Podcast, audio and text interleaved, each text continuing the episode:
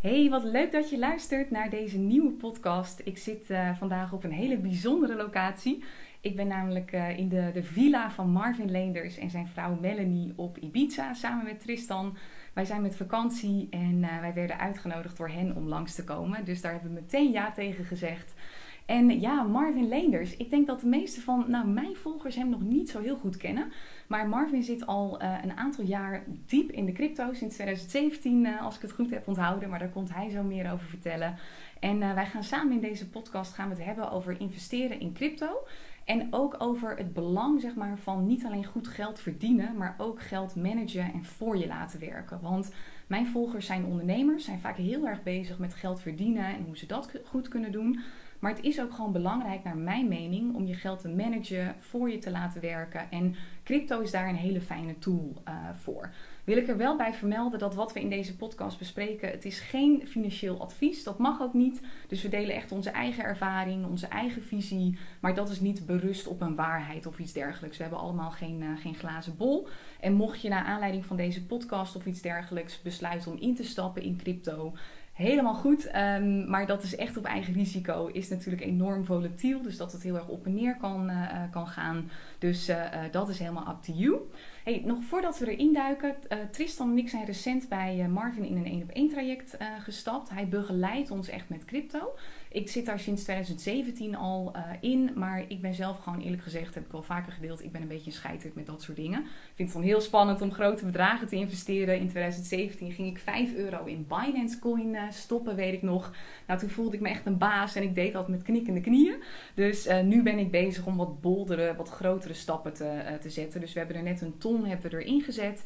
daar helpt Marvin ons bij om, om dat allemaal te doen. Dus hij weet er gewoon wat dat betreft nog veel meer van dan ik wat dieper ook in, dus uh, daar gaan we het over hebben. Hey Marvin, welkom.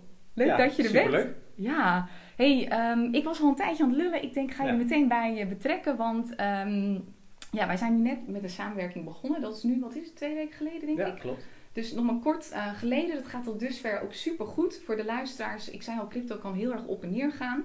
Maar dit moment, nou ja, toen wij instapten, was echt een perfect moment. Dus die ton is, ik heb net gekeken, is nu al 127.000 euro uh, geworden. Kan ook weer naar beneden, maar dat is een lekker begin uh, in ieder geval. Hey, en jouw verhaal, hoe je daarin terecht bent gekomen en wat er daarna allemaal gebeurd is. En ook hoe je op Ibiza bent beland. Ja. Met de katten, voor jullie beeldvorming. Zij hebben drie katten, twee Maine Coons en een, wat is het, Europese, Europese? Ja, zij zijn op een gegeven moment met een, privéjet hier naartoe verhuisd. Vanwege een van die katten die uh, anders niet, uh, niet echt mee kon. Dus daar komen we nog op terug. Kun je ons eens meenemen in ja, jouw crypto-verhaal en ook je verhaal hoe je hier terecht bent gekomen? Ja, tuurlijk, uh, tuurlijk kan ik dat. En uh, ja, ten eerste dankjewel voor de uitnodiging. Superleuk om uh, ja, een podcast op te nemen met mensen die hetzelfde in het leven staan en dezelfde drijfveren hebben. En ja, het verhaal, ja, het is aan de ene kant een heel leuk verhaal, aan de andere kant is het ook een grappig verhaal, vind ik. Maar nee, ik denk dat ik, uh, als ik voor mezelf spreek, hetzelfde in 2017, hetzelfde erin stond als heel veel luisteraars op dit moment. En uh, ja, dat was eigenlijk een situatie dat ik, uh, ja, ik had een eigen, eigen business op het gebied van uh, gezondheid. Nou, dat draaide prima, alleen ik merkte van goed, ik kan geen vermogen opbouwen voor de, voor de toekomst. En ik begeleid in die tijd heel veel ondernemers op het gebied van vitaliteit. Nou, die waren aan de ene kant heel vermogend. En aan de andere kant ja, waren ze niet vitaal, dus ze waren hun vitaliteit verloren. En dan zeg ik altijd van, nou goed, dan ben je niet ultiem vrij, hè. Je wilt beide van beste werelden. Alleen ik had het andere probleem. Ik was aan de ene kant heel vitaal. Alleen, uh, ja, ik had geen vermogen. Uh, en soms zelfs moeite om de rekeningen te betalen. En uh, ja, ik denk dat het doel in het leven is, en dat was natuurlijk toen ook en nu nog steeds, om een leuk leven te leven. Gewoon om je droomleefstijl te realiseren. Um, en dan hoeven mensen niet gelijk te denken aan jachten en in Ibiza te wonen enzovoort. Maar ik denk dat veel meer mensen hun droomleven zouden kunnen, kunnen leven. Betere dagen zouden kunnen, kunnen hebben. En uh, nou goed, daar uh, ging ik in 2017 samen met mevrouw Melanie, gingen we daar gewoon echt uh, gericht mee aan, aan de slag. We hebben gewoon eerst heel helder gemaakt van ja, wat willen we nu eigenlijk in het, in het leven? wij willen vrijheid, maar wat is dan ons vrijheidsgetal? Welk geldbedrag is daarvoor nodig? Hoe ziet onze ideale dag eruit? Hoe ziet onze ideale week eruit? Hoe ziet onze ideale maand eruit? En dan kom je op een gegeven moment op een bepaald geldbedrag, wat dat per maand zeg maar gaat kosten. Ja, en dat, dat was het eerste en dat zou ik ook iedereen aanraden. Krijg dat eerst eens helder voor jezelf. Want ja, heel veel mensen zijn tegenwoordig ongelukkig of leven niet het leven wat ze zouden willen leven. En als je dan aan mensen vraagt van, nou goed, wat voor leven zou je dan willen? Ja, dat weten ze eigenlijk niet. Dat kunnen ze mij niet helder vertellen. Uh, ik vind dat je dat op de komma, zeg maar, voor jezelf gewoon uh, helder moet, uh, moet hebben. Want ja, als je anders gaat schieten en je weet niet waar je op moet mikken, ja, dat, dan, dan schiet, je, schiet je mis, zeg ik altijd. Um, dus ik denk dat dat goed is om helder te krijgen. Nou, in 2017 kregen we dat helder en toen was de enige vraag, ja, hoe gaan we dat realiseren? Nou, aan de ene kant uh, wilden we dat realiseren met het opbouwen van, uh, van onze business. In die tijd alle twee op het gebied van gezondheid. Nou, van hartstikke leuk om te doen. We hebben ook iets moois in opgebouwd. Maar dan krijg je op een gegeven moment, en je vertelde net al dat je veel ondernemers hebt die, die luisteren. Um, dat zal elke ondernemer wel uh, herkennen. Op een gegeven moment ga je maandelijks ga je winst maken als het goed is. Uh, nou, die winst gaat als het goed is ook steeds, steeds verder omhoog. En dan is de vraag, ja, wat ga je met dat geld, wat, wat ga je daarmee doen? En nou, daar liep ik zelf ook tegenaan. En nou goed, toen gaan verdiepen in macro-economie, gaan verdiepen in investeren. En ik dacht, nou goed, ik moet dat geld, ja, moet ik voor mij aan het werk zetten. Want uiteindelijk, dat is super belangrijk. Hè? Prima om hard te werken voor geld. Tegenwoordig hoor je heel veel over passief inkomen enzovoort. Maar ga eens maar eens gewoon hard werken voor je geld. En vervolgens ga je dat geld slim voor jezelf ja, aan, het, aan het werk zetten. Alleen toen was voor mij de vraag, oké, ja, waar investeer ik dan mijn, uh, mijn geld in? En ja, om daar gelijk op in te haken, zelfs zat ik toen bij een, uh, bij een andere business coach, Tibor Olgers. Nou, die zei toen tegen mij, Marvin, crypto is heel interessant op dit moment op instappen. Nou, ik had nog nooit van crypto gehoord, ik wist niet wat het was.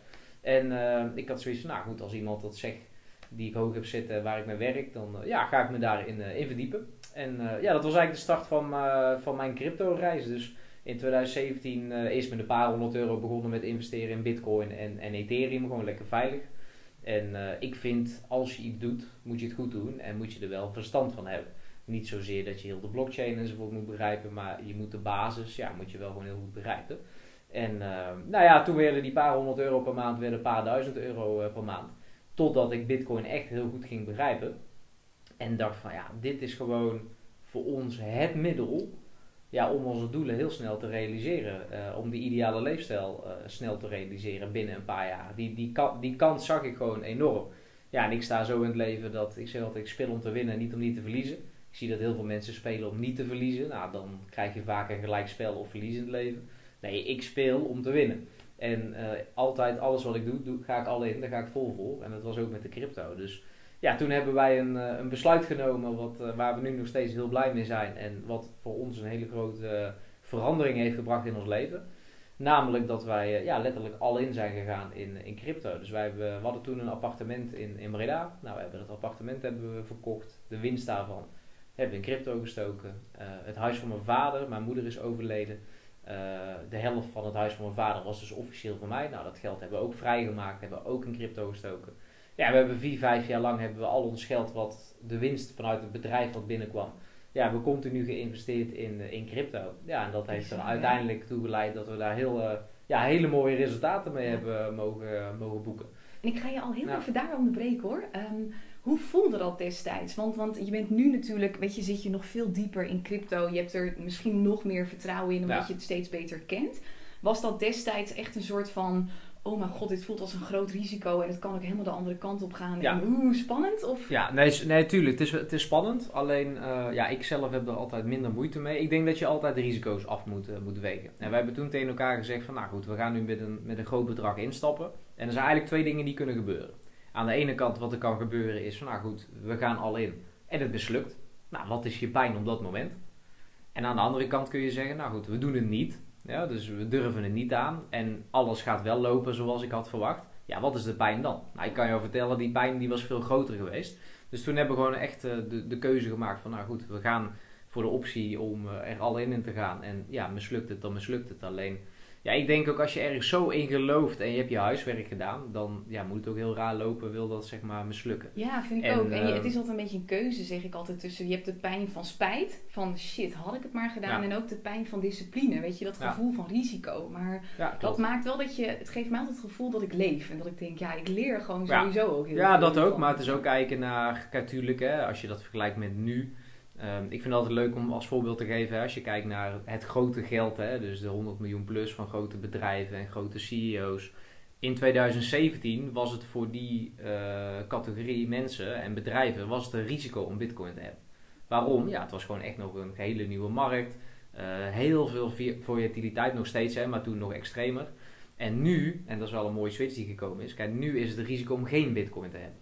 Ja. dus in de afgelopen jaren is wel een, groot, ehm, een grote verandering heeft er plaatsgevonden. Dus toen, ja, het was een groot risico. Maar aan de andere kant ben ik ook altijd zo van... Uh, ik weet niet of je de serie vroeger nog kent van Prison Break. Ja, en daar had je alles gekeken. Ja, daar, daar, had je Michael Schofield in. Nou, dat vind ik een van de... Ja, het is mijn favoriete serie, zeg maar. En ik vond hem heel interessant, omdat ik mezelf ook zo zie. Hij had een plan, namelijk zijn broer redden. En daar had hij gewoon een perfectionistisch plan voor gemaakt. En ik heb zoiets toen met Crypto 2017. Ik zag daar zo'n kans in.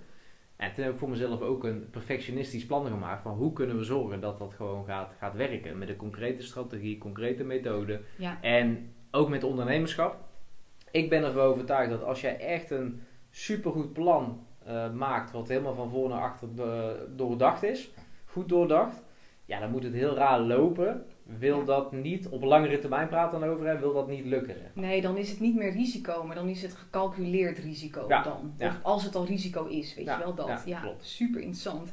Hey, en, maar ik onderbrak je ergens. Je was nog je verhaal aan het vertellen. Ja, nee, dus ehm, door die keuze te maken, door al in te gaan met een concreet plan en alles goed over na te denken. En wel even belangrijk, hè, uh, dat benoemen de meeste mensen in de crypto en investeren ze niet bij we hebben ook een enorme prijzen voor betaald. Hè? Dus we hebben wel vier, vijf jaar lang super minimalistisch geleefd in een appartementje in Breda. Uh, we hebben daarnaast weinig op vakantie enzovoort gekunnen. Dus ja, we hebben gewoon echt heel minimalistisch geleefd. En, en de prijs ook sociaal betaald enzovoort. Ja, ja jij uh, zei gisteren nog tegen ons, voor de luisteraars wel interessant denk ik om te weten. Wij waren even in jullie slaapkamer in deze, nou we zitten echt in een gigantische villa.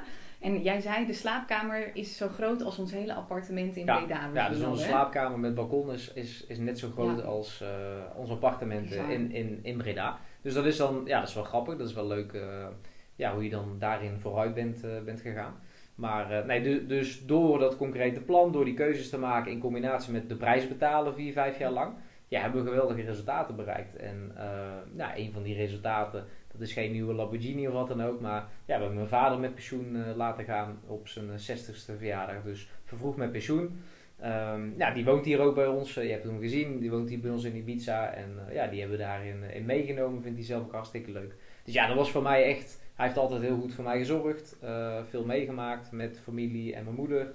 En ja, super mooi dat ik nu voor hem zeg maar kan, kan zorgen. Um, nou, daarnaast leven wij ons droomleven in, in Ibiza. Het is niet zozeer dat dat uh, Ibiza gerelateerd is, want dat zou ook ergens anders kunnen zijn. Maar goed, we, leven in het huis waar we in willen leven. We kunnen onze dagen indelen zoals we, zoals we willen. Um, ik heb daarnaast, uh, nou goed, mijn neefje, die geef ik elke maand een leuk, uh, leuk centje om van, van te leven. Ja, en uh, ja, dat zijn wel mooie resultaten die, uh, die we daarin uh, in, in geboekt hebben. Ja, en wat ik mooi vind is dat jullie het ook, je hebt het niet alleen op jezelf betrokken, maar ook, weet je, voor je vader, voor je neefje. En ik vind Hollanders altijd een beetje, um, heel veel Hollanders hebben een slechte money mindset, zeg ik altijd. We worden heel opgevoed met geld maakt niet gelukkig en geld dit en dat en weet ik het wat. En ik denk altijd, maar het is zo tof inderdaad. Jij geeft je neefje dus een zakcentje. Ik kan nu de opleiding van een vriendin betalen die het geld niet had, maar die doodongelukkig was in de baan. Ja, weet je, geld is niet het, het enige. Maar het, het creëert wel opties, mogelijkheden die je wel goed, meer geluk brengen. 99% van uh, geld lost 99% van je probleem op. En dan kunnen Nederlanders zeggen van ja, dat is niet. En ja, dat, dat, dat is wel. En, en vooral de mensen die zeggen van goed, geld is niet belangrijk, die gaan vervolgens wel een week lang voor iemand anders zijn dromen werken in loondienst. Dus uh, geld, geld is super belangrijk. Uh, het is een prachtig middel. Zie het als energie. Zo moet je het ook gebruiken, denk ik. En uh, ja, je kunt er hartstikke mooie, mooie dingen mee doen. En er is ook een grappig filmpje over. En dan vragen ze biljonairs ook van, ah goed, maakt geld gelukkig? Ze zeggen allemaal ja. Ik geloof wel dat het tot een bepaald niveau is. Hè? Dus tot, dat is ook bewezen wetenschappelijk. Hè? Tenminste, in hoeverre de wetenschap daarin leidend is. Maar ik geloof wel dat het tot een bepaald niveau is. Maar het is hartstikke mooi Kijk, ik, ik, hoop dat ik, ik, ik hoop echt dat wij nog veel meer geld gaan, gaan verzamelen en dat wij nog veel vermogender gaan worden. Waarom? Ja, omdat ik weet wat ik met dat geld ga, ga doen. Ik weet zeker dat ik er heel veel andere mensen mee kan helpen en gelukkiger kan maken en een mooie leven kan, kan bieden. En dat, uh, ja, de, dat is in ieder geval mijn doel. Het enige wat ik kan doen is focussen op, me, op mezelf. Dat moet iedereen ook uh, zelf doen, denk ik. Ehm, maar het is heel goed om te bepalen, ja, wat wil ik uiteindelijk met dat vermogen doen en hoe wil ik dat, eh, dat inzetten. Ja. Nou, ik denk Nou dat je ja. er hele mooie dingen mee kunt doen. Eens. En eh, dat is ook een van de redenen, dus voor de luisteraar misschien wel interessant, dat, ik, dat wij bij jullie zijn ingestapt of bij jou zijn ingestapt. Omdat je bent niet alleen maar dat jongetje op Instagram die met zijn Rolexen staat te showen Nee. en weet ik het wat. Weet je, wij hebben een soort, ja, een soortgelijke kernwaarde, denk ik, wat dat betreft. Dat, weet je, het gaat jou wel om een, een tof leven creëren voor jezelf, voor je Ja. vrouw, maar ook anderen helpen. Je loopt niet in één keer in allemaal designer, Louis Vuitton eh, kleding. En eh, je bent nog steeds bezig met je gezondheid. Je bent nog steeds bezig ook met, met je dierbaren. En het is niet dat je op een ander vlak de prijs betaalt, tenminste voor zover ik dat nu kan beoordelen, voor dat geld. Nee. Toch? Nee, klopt. Ja. Nou, ik denk dat het goed is om, ehm, ja, wa- waar ik eigenlijk mee begon, heel helder te krijgen van goed, ja, wat wil je in, in het leven? Ja. En ja, goed, wat ik wil, dat, dat heeft niks te maken met eh, Louis Vuitton, Rolex, enzovoort, enzovoort. Nee. En voor iemand anders wel. En dat is ook Ja. weer oké. hè? Weet je, ieder heeft zijn eigen ding. En op een gegeven moment kwam dus voor jullie dat punt dat jullie zeiden, jullie hadden het vrijheidsgetal bereikt op dat punt? Of wat, wat was het moment dat je zei, en nu gaan we naar Ibiza? Ehm, nou ja, niet zozeer. We hadden gewoon een droom om in Ibiza, Ibiza te leven. En toen was het in de coronatijd enzovoort. En dat, dat hadden we gewoon als doel. En toen hebben we op een gegeven moment wel gezegd van... Nou goed, we gaan er een datum aan hangen. Want uiteindelijk... eh, ik geloof er wel in. Je, je moet het wel het universum in trappen. Want anders gaat het ook niet gebeuren. Toen hebben we gewoon gezegd 1 oktober... eh, vorig jaar, dan, dan, wonen wij in, eh, dan wonen wij in Ibiza. En ja, toen hebben we die keuze daarin ja, hebben we gewoon gemaakt en we hebben dat, we hebben dat uitgevoerd. En nu, ja, nu wonen we hier, tenminste wonen we hier supergoed en eh, ja, leven hier eigenlijk gewoon onze droomleven. Heel vet. En Ja. ook het verhaal van hoe jullie hier gekomen zijn. Want jullie Ja. zijn met twee gigantische, nou het zijn katten, maar het zijn eerder Ja. een soort honden, zo groot zijn ze. Ibiza en crypto, of meneer crypto, zo wordt hij het liefst eh, genoemd. Minion is dan een Europese korthaar. En jullie hebben op Ja. een gegeven moment, want volgens mij was het niet jullie intentie om met een privéjet hier naartoe te komen. Nee, toch? het was helemaal niet onze eh, intentie. Alleen we dachten, nou goed, we gingen dit realiseren en eh, alles was geregeld. Toen was het alleen de vraag, ja, hoe gaan we van Nederland naar Ibiza natuurlijk. Nou goed, dan ga je afvragen goed, met die katten, oké, hoe kunnen we dat op zo'n effectief mogelijke manier doen? Nou, ik ben een enorm dierenvriend. En ehm, ja, ik had in ieder geval één regel. De, ik wil niet dat die katten onder in het ruim van een vliegtuig gaan. Als ze met het vliegtuig gaan. En eh, ja, onze grootste kat dan, Crypto, ook vernaamd naar de Crypto. Ehm, ja, die weegt eh, 12 kilo, dus die moet onder in het ruim. Nou goed, ik ga dat met mijn katten ga ik dat niet doen. Dus toen was de vraag, ja, hoe kan ik het dan realiseren? En ik denk dat dat ook altijd een goede, goede mindset is. Dus gewoon weten wat je wilt en ja, dan kom je vanzelf op eh, de antwoorden. En toen, eh, toen waren er eigenlijk twee opties. Optie 1 was, eh, ja, of we gaan met een camper hierheen. Of, eh, ja, of met een privéjet. Dus eh, ja, ik heb toen een bericht gestuurd naar, eh, ja, naar een eh, privéjet eh, business. En met de vraag van, nou goed, wat kost dat en wat is er allemaal mogelijk? En eh, ja, het grappige van het verhaal is, we hebben nog een extra grote jet moeten huren, omdat hij anders niet mee kon. Zijn, zijn, zijn bak, waar hij mee, zijn reisbak zeg maar, is te groot. Dus we moesten nog een grotere jet nemen, omdat hij anders niet, niet mee kon. Voor tien personen of zo was hij toch? Of Ja, het was voor, even kijken, 8 à 10 personen hebben we een Ja. jet gehad. Terwijl we met z'n vieren waren. Dus eh, nee, dat, dat was wel grappig. En eh, ja, achteraf hoe ik erover denk, het was ook super gaaf. Het was een super gaaf ervaring. ja. En het was gewoon, ik wilde gewoon dat ze een, ja, een, een zo kort mogelijke reis hadden met zo min mogelijk stress. Nou, dat, dat hebben ze gehad. En daarnaast ja, vonden wij het natuurlijk ook super leuk om een keer met een privéjet eh, te vliegen. Ik zou het niemand aanraden, want als je het gedaan hebt, wil je nooit meer terug. Je wil nooit meer iets anders. dat is ook de realiteit. dat is ook weer Maar, eh, ja. maar goed, het was gewoon ja, was een superleuke ervaring. En de katten die waren heel snel in Ibiza en die hebben eigenlijk een prima, prima reis gehad. Ja, tof. Heel tof inderdaad. Hey, en ehm, volgende vraag ook. Want crypto is natuurlijk enorm volatiel. Je zei net al wel van het, het is eigenlijk nu een groter risico om niet in crypto te zitten of niet bitcoin te hebben dan, eh, eh, dan om er wel Ja. in te zitten. Er is natuurlijk heel veel veranderd. We hebben in 2019 is dat eigenlijk zeg maar ontstaan, bitcoin. En sindsdien is dat nou ja, gewoon heel erg op en neer gegaan. En, en vorig jaar natuurlijk een enorme piek. Daarna weer naar beneden. Wat is een beetje jouw voorspelling, gewoon op basis van wat jij weet, wat, wat jouw gut feeling ook ergens zegt, wat er, wat er dit jaar nog gaat gebeuren? Ja, ik denk sowieso dat het goed is om even terug te gaan naar de kern. Dus ehm, uiteindelijk, eh, ik begon erover dat ik voor mezelf vermogen op wilde bouwen, hè, voor mijn gezin. Eh, dat wil iedereen die luistert, hè, dus iedereen wil vermogender worden. En ik denk dat het eerst goed is om de definitie van vermogen even helder te Mm, krijgen. ja. Want ik zie vaak dat mensen bepaalde dingen willen bereiken, alleen de definitie hebben ze niet helder. Waardoor ze eigenlijk eh, de verkeerde dingen aan het doen zijn. En bij vermogen denken mensen vaak aan eh, euro's. Hè? Dus hoe meer euro's iemand heeft, hoe rijker iemand is. Nou, ik ben het daar niet mee eens, want we hebben het inflatieverhalen. Ja. Nou, ik noem dat altijd de legale manier voor overheden om, om je geld te jatten. Ehm, Ja. nou ja, ik goed. denk dat dat, sorry dat ik je Ja. onderbreek, ik denk het is goed om even uit te leggen. Want ik merk als ik dat uitleg aan veel van mijn volgers dat sommigen het niet snappen. Wat dat eigenlijk betekent, kijk de mindfuck, en, en deze heb ik ook heel lang gehad. Wa- Wat we heel erg denken vaak is als mijn geld gewoon op de rekening blijft staan, dan blijft het hetzelfde waard. Weet je? Want die 1000 euro die er op 1 januari 2020 op stond, is nog steeds 1000 euro op, op eh, 1 januari 2021. Ja. Maar je hebt gewoon inflatie. En gemiddeld is, wat is dat gemiddeld eigenlijk per jaar? Nou ja, Maar goed, De afgelopen jaar is ja. het heel anders. Nee, maar dat is heel lastig. De, de overheden die komen naar buiten met een bepaald getal. Nou ja, dat getal zit nu ergens rond de 8,6 procent. Alleen als we één ding hebben mogen leren de afgelopen jaren is dat de overheid niet altijd eh, zegt waar het echt op staat en wat de waarheid is. Als je gewoon naar verschillende categorieën kijkt door heel de wereld, kan de inflatie zelfs oplopen tot 50 procent. Ja, bijvoorbeeld op eten en drinken. En als je bijvoorbeeld naar Turkije kijkt, heb je een inflatie van 70, 80 procent. Dus eh, waar het op neerkomt, hè, 10, 20 procent inflatie in Nederland, ja, daar zit je, altijd, eh, zit je altijd op. Dat betekent dat als jij jouw geld op de bank hebt staan, ehm, dat jij elk jaar, en dat is voor mij een definitie van vermogen, ik denk niet dat je in euro's moet rekenen, maar je moet in koopkracht rekenen. Ja, je moet steeds meer kunnen kopen. betekent niet dat je ook hoeft te kopen, alleen je moet wel steeds meer kunnen kopen.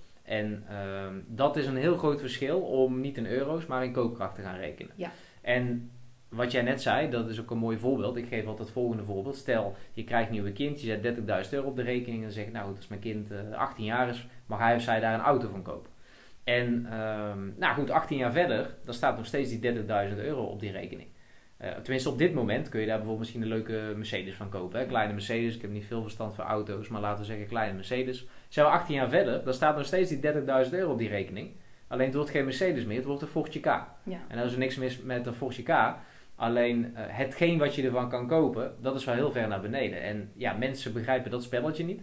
Eh, inflatie is gewoon een ja, legale, verkapte manier om eh, weer extra belasting te betalen.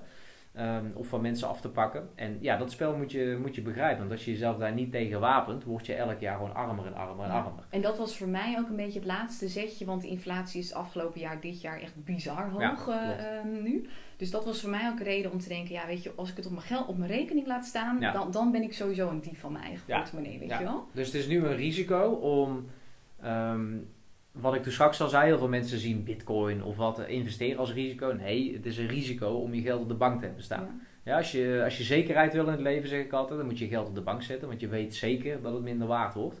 Ehm, dus ja, ik, ik vind dat mensen sowieso minimaal 25% van hun totaal vermogen in crypto moeten, moeten hebben zitten. Dat is, dat is mijn mening. Ja. Ehm, om het risicoverhaal. Ik denk dat je anders gewoon echt een groot, groot risico loopt. En volg het grote geld, hè, want het grote geld is dat ook op dit moment Ja. doen. Hey, en we, we maakten dit zijsprongetje omdat je het had over je definitie van Ja. vermogen. Daar wilde je nog iets over zeggen. Ja, klopt. Ja, dus de definitie van vermogen is voor mij koopkracht. Ehm, daar moet je in rekenen. En dan ben ik, ik, ik ben altijd gewoon van het hele simpele denken. hè. Dus alles zo simpel mogelijk maken. En om iets simpels te maken, dat weet je zelf ook in business, moet je wel goede kennis hebben. En dan ga ik kijken, oké, ik wil koopkrachtiger worden, want dat is mijn definitie van vermogen. Ik wil zoveel mogelijk koopkracht hebben en dat wil ik opbouwen. Ja, wat is nou de best presterende asset op het gebied van koopkracht? Nou, dan ga je kijken naar de cijfers, dus niet naar emotie, maar je gaat naar cijfers kijken.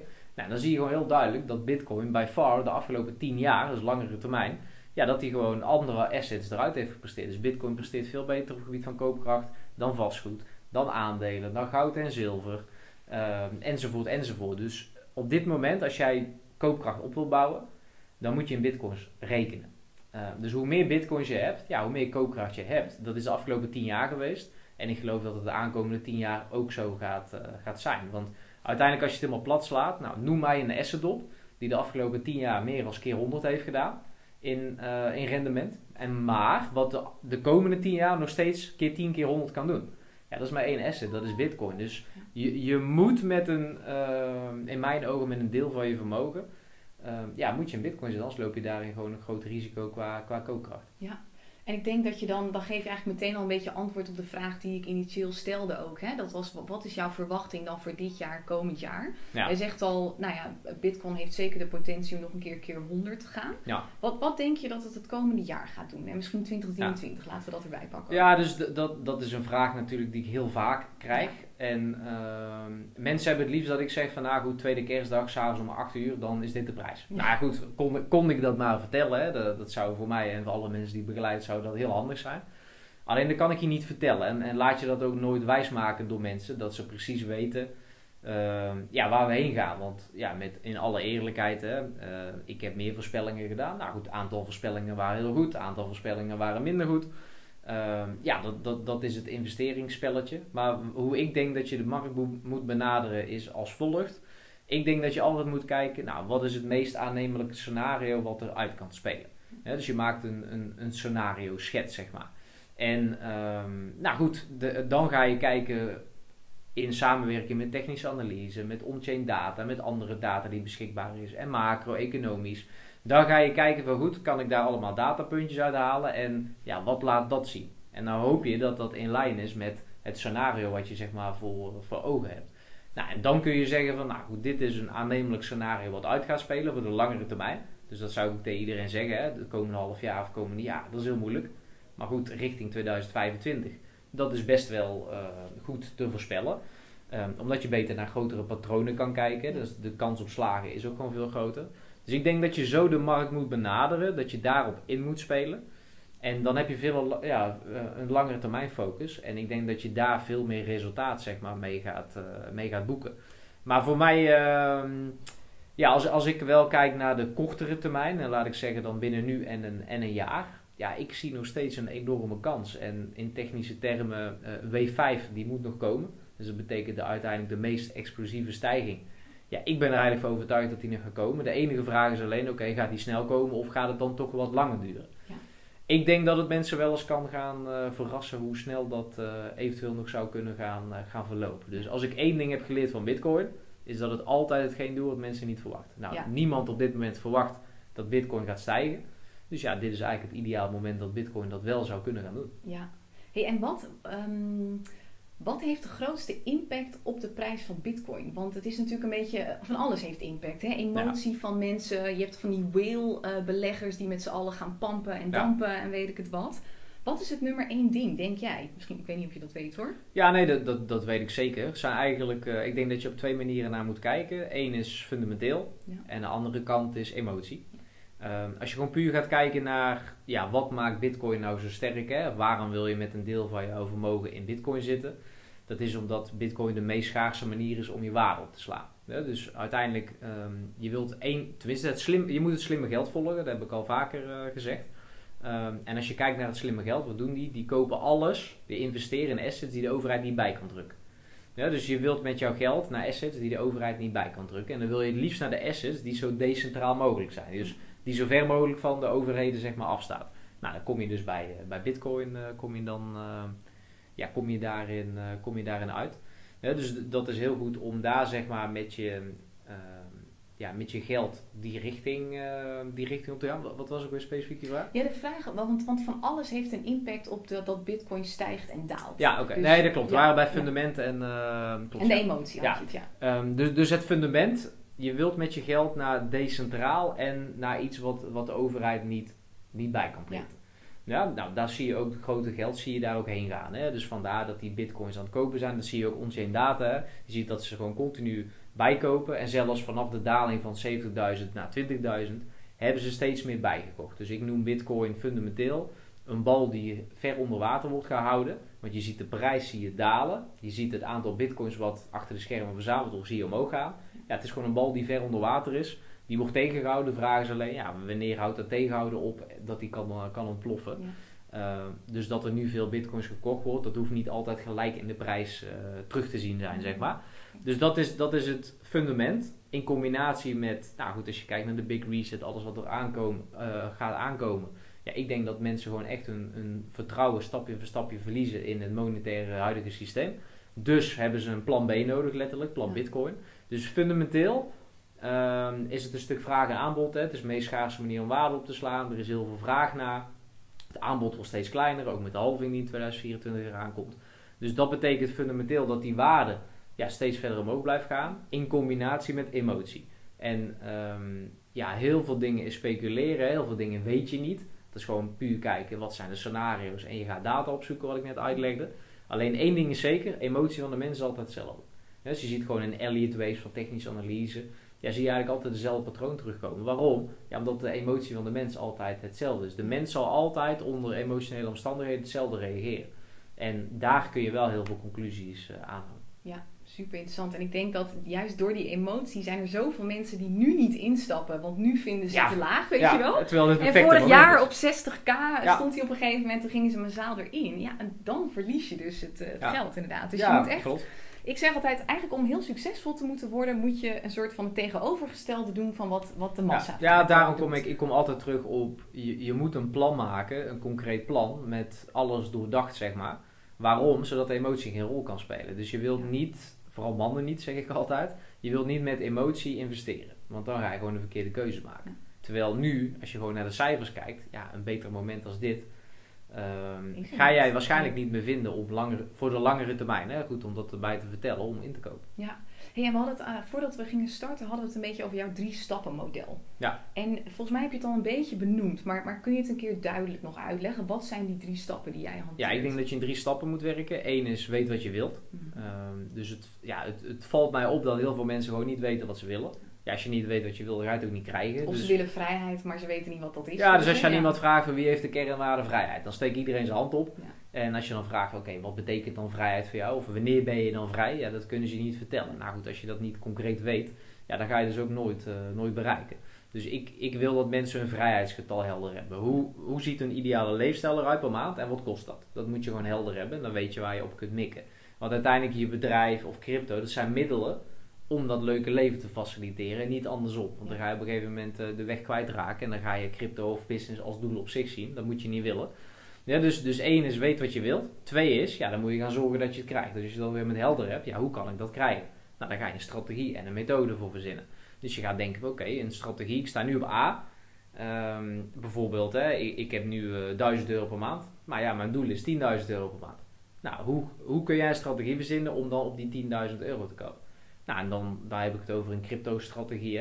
Vooral voor mensen die weinig tot geen vermogen hebben, denk ik dat crypto het ideale middel is ja, om een flinke klapper te maken. Uh, ik hoop ook dat mensen die potentie zien en weten wat voor kansen kunnen pakken. Want dit is dit is echt de kans voor de mensen die werken van 9 tot 5 om ja, gewoon echt uh, binnen een paar jaar gewoon echt een flinke klapper te maken met een relatief lagere investering. Nou ja, en daar zit vaak de misvatting, hè? want die vraag kreeg ik ook al. Wij gaan zo nog live op Instagram en ik kreeg meerdere keren al de vraag van moet je veel geld hebben om te kunnen investeren in crypto? Mensen denken ook heel vaak dat ze dan per se meteen een hele bitcoin moeten kopen. Ja, nu op, waar stond hij op vanochtend?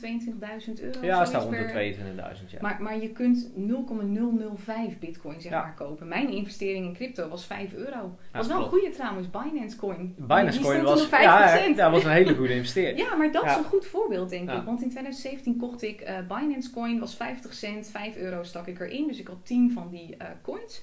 En op een gegeven moment, ik weet even eerlijk gezegd niet waar die nu op staat. Op een gegeven moment op 500 euro, nu volgens mij op 300 of iets dergelijks. Weet jij het? Ja, volgens mij rond de 200, 300 dollar. Zoiets, ja. Dus weet je, daar kun je al, dat is een beetje wat jij ook bedoelt, een mega klapper mee. Uh, ja, tuurlijk. Ik, ik zeg altijd zo, hè, om, ik hou van regels. En uh, ik denk dat iedereen voor zichzelf leefregels en investeringsregels moet verzinnen. En uh, ik daag mensen altijd uit. Hè, dat elke maand hebben ze natuurlijk, of dat nou via loondienst is, of dat is via een bedrijf. Je, je, houdt winst over als het goed is. En dan zeg ik altijd, oké, probeer 40% van die winst te investeren en ga van de overige 60% leven. Nou goed, dan krijgen de meeste mensen een probleem. Waarom? Ja, die 60% waar ze van moeten leven, ja, die, uh, die, dat is te weinig geld om van te leven. Dus dat kan, dat kan betekenen van goed, of ze verdienen te weinig, of de kosten van hun leefstijl zijn te hoog. Nou goed, dat is ook vaak is het en-en, dus ze verdienen te weinig en aan de andere kant zijn de kosten van hun leefstijl te hoog. Maar probeer voor jezelf maar eens te kijken, oké, kan ik die 40-60 regel hanteren?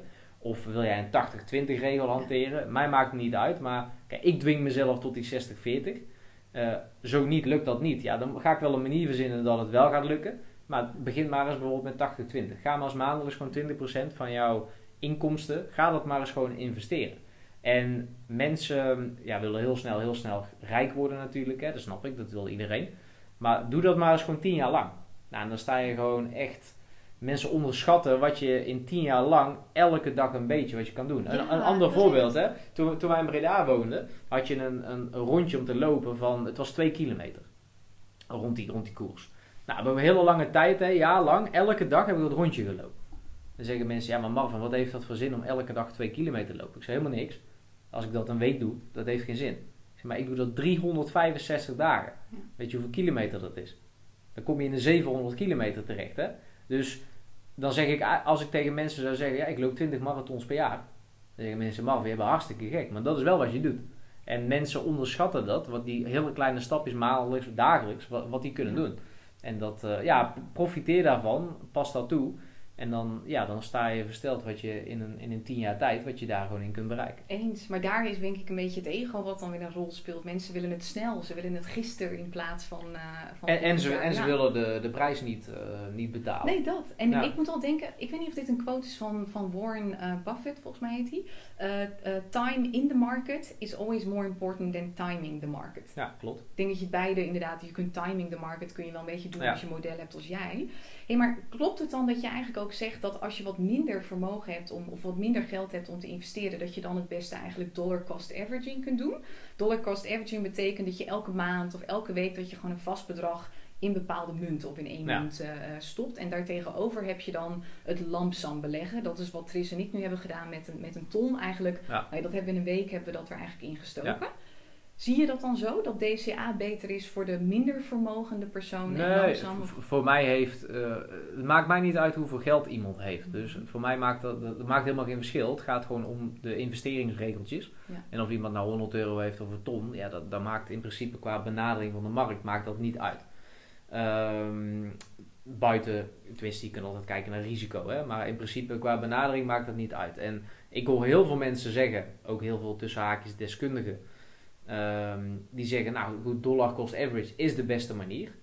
Ja, ik ben het daar niet altijd mee eens, dat is misschien niet zo populair, maar voor mij is context altijd belangrijk. Dus altijd van, oké, ja, in vergelijking met wat? Of, eh, ja goed, hoe staat het op dit moment ervoor? Kijk, op het moment als we, en dat is ook een visieverschil hoor, maar de situatie die we nou laatst hebben gehad, we hebben een daling gehad van bijna 70.000 ja, naar 18.000. Mhm. Nou, dat is een super harde daling. Ja, als mensen dan op 18.000 tegen mij zeggen van goed Marvin, ik heb, ik heb geld beschikbaar. Moet ik daar nou in één keer mee instappen of moet ik dat in kleine stapjes doen? Ja, dan zie ik, voel ik er op dat moment qua context niks bij om dan maandelijks rustig in te gaan kopen. Waarom niet? Je hebt een geweldig moment om nu toe te slaan. Ehm, en daarmee bedoel ik, je weet dan als je op die 18.000 of rond die 20.000 koopt, nu nog steeds, dan zit je voor de langere termijn, als jij in bitcoin lange termijn gelooft, ehm, en dat we naar 100.000 plus zeg maar toe gaan, koop je supergoed in. Precies. Dus Ja. ja, tuurlijk, als je dan op 18.000 koopt of 20.000, tuurlijk kunnen er nog een paar duizend op laag, dat kan. Alleen mij maakt het voor die langere termijn maakt dat helemaal niks uit. De exacte bodem, ja, die kun je gewoon niet, niet pakken. Dus ehm, ik denk dat het heel goed is om te kijken van goed, wat is de context? En op basis van die context beslissen van, nou goed, is het nu slimmer om in één keer in te stappen? Of misschien een Ja. stapjes doen. En, en Nou, en ik denk ook dat het dan nog slim is om te kijken naar je eigen emotionele profiel, zeg maar. Ja. Ik weet inmiddels van mezelf, want ik heb mezelf getest in die situatie, ik kan goed met ups en downs eh, omgaan. Weet je, even in eh, alle eerlijkheid ook, mijn crypto staat nu heel erg in de plus. En ik doe ook aandelen en weet ik het wat, daar zit anderhalve ton in, dat staat 30% in de min. Maar, maar ik lig er niet wakker van. Dus ik weet, ik, ik ben emotioneel stabiel in een investeringsding, zeg maar. Op het moment dat hij inderdaad op 18.000 staat, ik zou ook denken, hup, alles erin, dit is een perfect moment. Als je super emotioneel bent en hij gaat naar de 13.000, je hebt mensen die uit paniek gaan ze dan weer verkopen en Ja. weet ik het wat allemaal. Ik denk wel dat het belangrijk is voor jezelf om, om jezelf even te leren kennen ook of zo. Als, als ja, jezelf leren kennen, Ja. maar ook geld investeren wat je kunt missen. Ja, dus, dus, dus jouw context is zo dat je kunt dat geld investeren, maar daarnaast heb je nog een bedrijf wat jou maandelijks een mooie cashflow oplevert. Ja.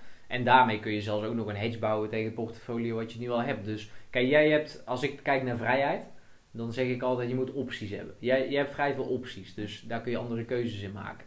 Ehm, op het moment dat je geld gaat investeren wat je eigenlijk niet mag verliezen, sterker nog, waar aan het eind van de maand waarschijnlijk de ja, leefstijl van moet betalen en, en kosten van moet betalen. Ja, dat, dat, dat is niet zo slim. En dan komt er emotie bij kijken. Terwijl, ja, die emotie moet je eruit halen. Moet echt puur, puur investeren op basis van de cijfers en op basis van het plan wat je, wat je gemaakt hebt. Ja. Hey, ik ga even de hele irritante hoe-vraag stellen. Want je zegt je moet emotie eruit halen. Ik denk Ja. dat de meeste mensen dat wel weten. Maar ik denk dat het ook best lastig is voor sommige mensen. Want hoe doe je dat dan? Ga je dan alleen vertrouwen op de data? Heb je daar bepaalde tips voor of iets dergelijks om dat te doen? Ja, sowieso zeg ik altijd, ga met iemand aan de slag die er verstand van heeft. Want heel veel mensen die, eh, ja, die willen investeren in crypto. Uh, tuurlijk kun je zelf erin verdiepen, maar jij zult daar nooit zoveel verstand van krijgen dan heel veel anderen die daar al veel meer ervaring in hebben of wat echt hun kwaliteit is. Dus ja, ga alsjeblieft aan de slag met iemand die de resultaten heeft geboekt waar je op zoek naar bent, zeg maar. Ik doe dat zelf ook op andere vlakken. Ja. Ehm, en dat is voor mij ook, uh, dat is de reden dat ik bij Marvin ben ingestapt voor de luisteraar eventjes. Dat, weet je, ik zit al wat langer in crypto. Mijn ex die is echt multi-multimiljonair geworden met crypto. Ik, ik ken het al heel lang en ik, ik ken het spelletje ook wel. Ik weet hoe ik moet kopen en zo, maar ik heb gewoon niet de tijd en de zin en dat soort dingen ook om me erin te verdiepen zoals wat jij dat doet inderdaad. Ja, klopt. En, en dan is het de investering zo ongelooflijk waard. Ja, het brengt je veel sneller naar je resultaat uiteindelijk. Plus uh, het scheelt je heel veel gedoe. Ja, en het brengt ehm, emotionele stabiliteit. Want nou, jij blijft heel relaxed. En ik, ik ga daarin mee, zeg maar. Nou, da daar hadden we het over. En als ik gewoon puur kijk naar mezelf. Hè, er, zijn meerdere mensen die iets met crypto doen en daar mensen in begeleiden. En iedereen mag lekker zijn eigen manier hebben. Dat is ook prima. Alleen ik ga altijd uit van dat plan. Dus we hadden het over emotie. Ja, ik, ik ben er echt heilig van overtuigd dat jij een, van tevoren, zonder dat de emotie er is, hè, dus voordat de emotie er is, moet je een plan maken. Dus wat wil ik? Uh, hoe gaat mijn concrete strategie eruit te zien? Dus wat ga ik komende jaar doen? Wat ga ik over twee, drie jaar doen? Richting 2030. Dus echt een concrete strategie. Met daarin al alle keuzes die je gaat maken. Hoe zet ik mijn portfolio neer? Welke altcoins koop ik? Ehm, waarom koop ik die? Wat is het ja, fundamentele waarde van die altcoins? Ehm, ja, dat plaatje en ook uiteindelijk de exit. Waar ga ik winsten pakken? Op hoeveel, uh, in welke stapjes ga ik uitstappen? Op welke prijzen ga ik uh, verkopen? Ja, ik denk als je die dingen helder hebt, dan heb je dus dat concrete plan. En die helderheid, ja, dat geeft je juist rust. En, en dan hoef je eigenlijk nog maar één ding te doen. En dat is vasthouden aan het plan. En, en dat, is, kijk, dat is ervaring. Dat moet je trainen. Dus het is heel leuk om te zeggen, nou goed, dan heb je een plan. En nou is de emotie eruit. Er is heel veel emotie uit.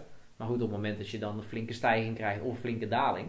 Ja, dan komt er bij mensen toch emotie. En dan wordt het toch heel aantrekkelijk om iets in dat plan te gaan veranderen. Om aanpassingen te maken. Ja, dat moet je niet doen. Dus de kunst is wel om aan het plan vast te houden. Ongeacht welke context, welke periode we in zitten. Alleen dat is, ja, dat is oefenen, dat is trainen. En uiteindelijk dat kunnen dragen en daar weerbaarder in, uh, in worden. En dat, uh, dat, dat is ervaring. Dat, dat, dat is iets, ja, dat kan ik je niet leren. Dat, nee, moet je ervaren. doen.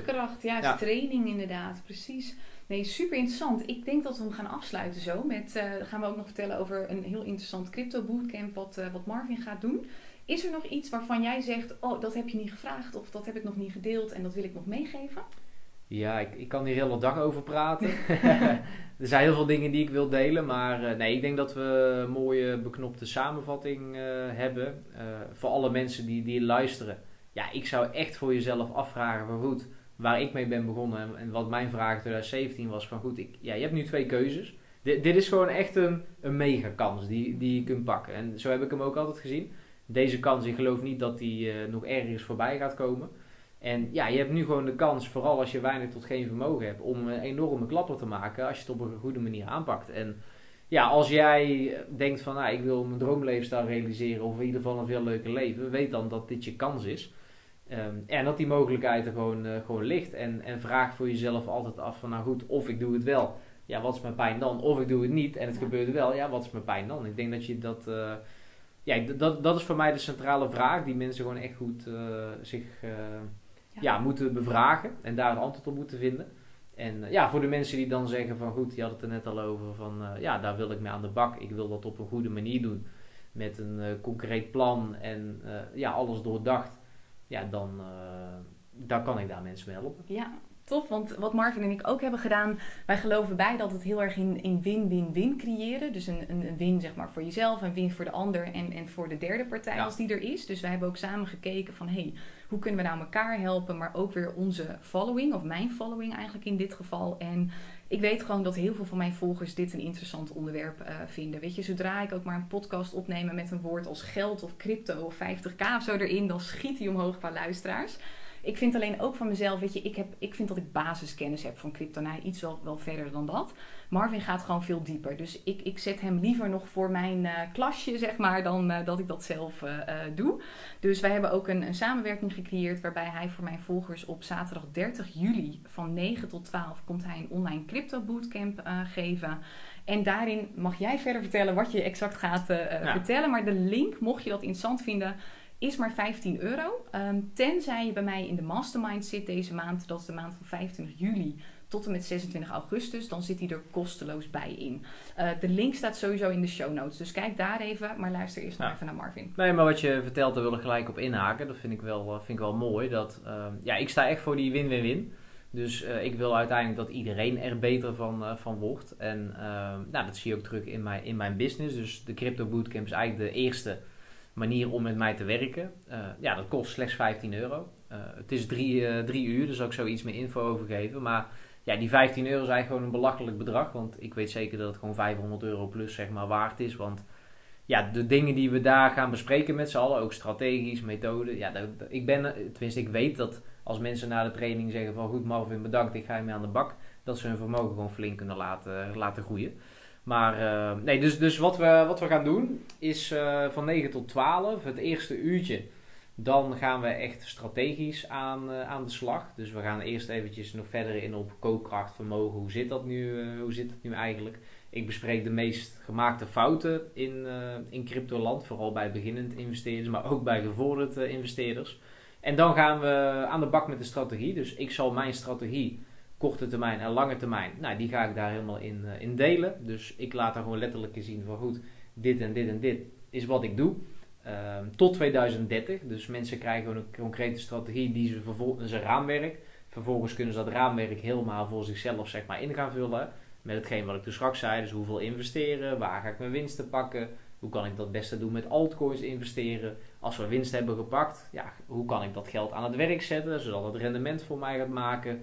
Hoe positioneer ik mij weer voor de langere termijn? Dat, dat zijn dingen die we in de, in de strategie bespreken. Uh, dus ja, die krijgen mensen. In die strategie zit een methode, dus hoe zet je een portfolio neer? Nou goed, dat laat ik ook zien, hoe je het beste een portfolio in mijn ogen neer kan zetten. De verdeling bitcoin met altcoins enzovoort en waar het op gebaseerd is. Um, nou ja, goed. Dan heb je na het eerste uur heb je eigenlijk al een concreet plan. Dus je hebt een concrete strategie, je hebt een concrete methode. En wat ik belangrijk vind is, in die strategie en methode worden heel veel keuzes gemaakt. Bijvoorbeeld, wat is in mijn ogen nou een heel goed moment om uit te stappen in de cryptomarkt? Nou, ik vind het heel belangrijk, en dat stukje mis ik een beetje in de crypto, om dat heel helder te maken en te bewijzen. Nou, het tweede uurtje, daar komt Gert van Lagen langs. Dat is een technisch analist waar ik mee samenwerk. Supergoed in technische analyses maken.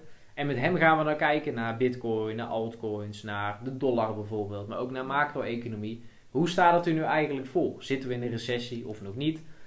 Hoe, uh, wordt bitcoin, wordt dat door de wils, wordt dat nog bijgekocht of, uh, of niet?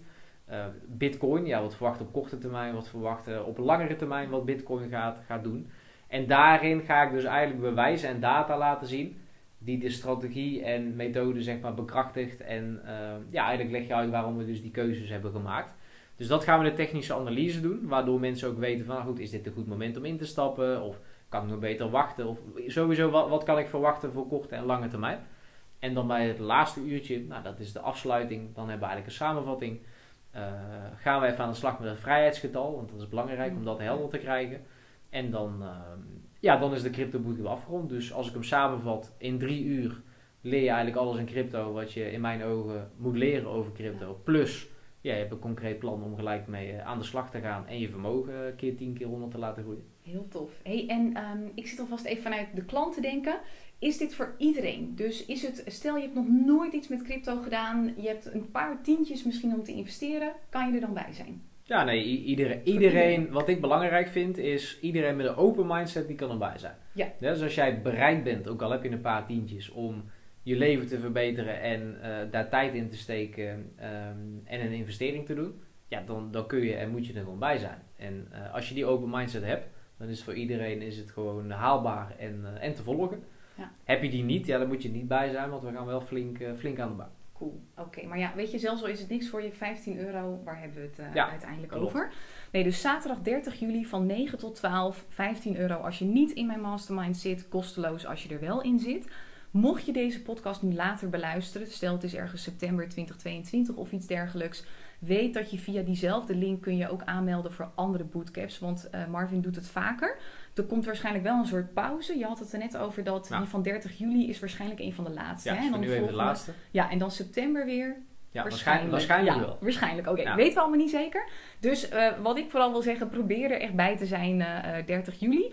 Komt geen opname, dus zorg dat je er gewoon live eh, eh, bij bent. En eh, meld je anders via die link die dus bij de tekst staat van de podcast zelf, zeg maar. Of via mijn link in bio op, op Tineke Laagstreepje Zwart Instagram account kun je aanmelden dus voor de bootcamps. Ehm, dus dat.